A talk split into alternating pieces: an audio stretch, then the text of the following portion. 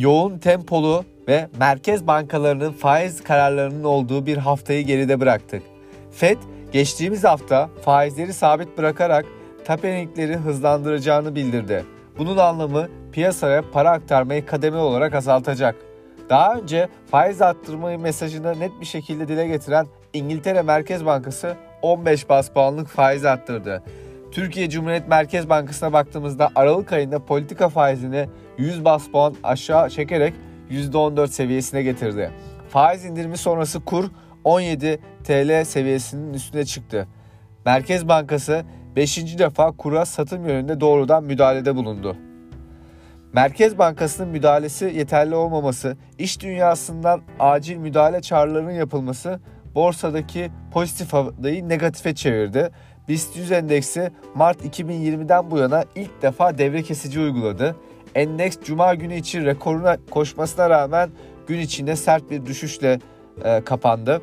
TÜSİAD, TOP ve İstanbul Sanayi Odası yeni uygulanan ekonomik politikayı ve para politikasını eleştiriler getirirken TÜSİAD hızla kabul görmüş iktisat bilimi kurallarına hızla dönülmeli açıklamalarında bulundu.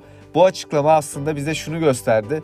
Yeni uygulanan ekonomi politikası ne ihracatçıya, ne işçiye, ne de devlete en ufak bir yarar sağlamadı.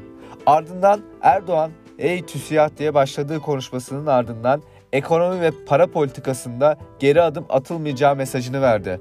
Açıkçası pazartesi sabah saatlerinde şu an dolar TL 17.65'i gördü ve bu noktada çoğu kişi e, ne olur diye soruyor. Açıkçası Cumhurbaşkanı dün yaptığı açıklama iş insanlarının ile zıtlaşması, faiz indirimine devam edileceği yönündeki açıklamaları, zaten politika faizinin enflasyonun çok altında olması, işverenin örgütlerinin bu ekonomik modele bize hiçbir faydası yok demesi ne yazık ki dolarizasyonu hızlandıracak ve TL'nin değer kaybını koruyabilecek bir bariyerin kalmadığının bize en açık göstergesi.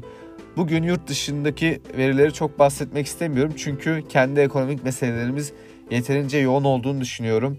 Ben Sedat Epli hepinize mutlu, bol kazançlı bir hafta diliyorum.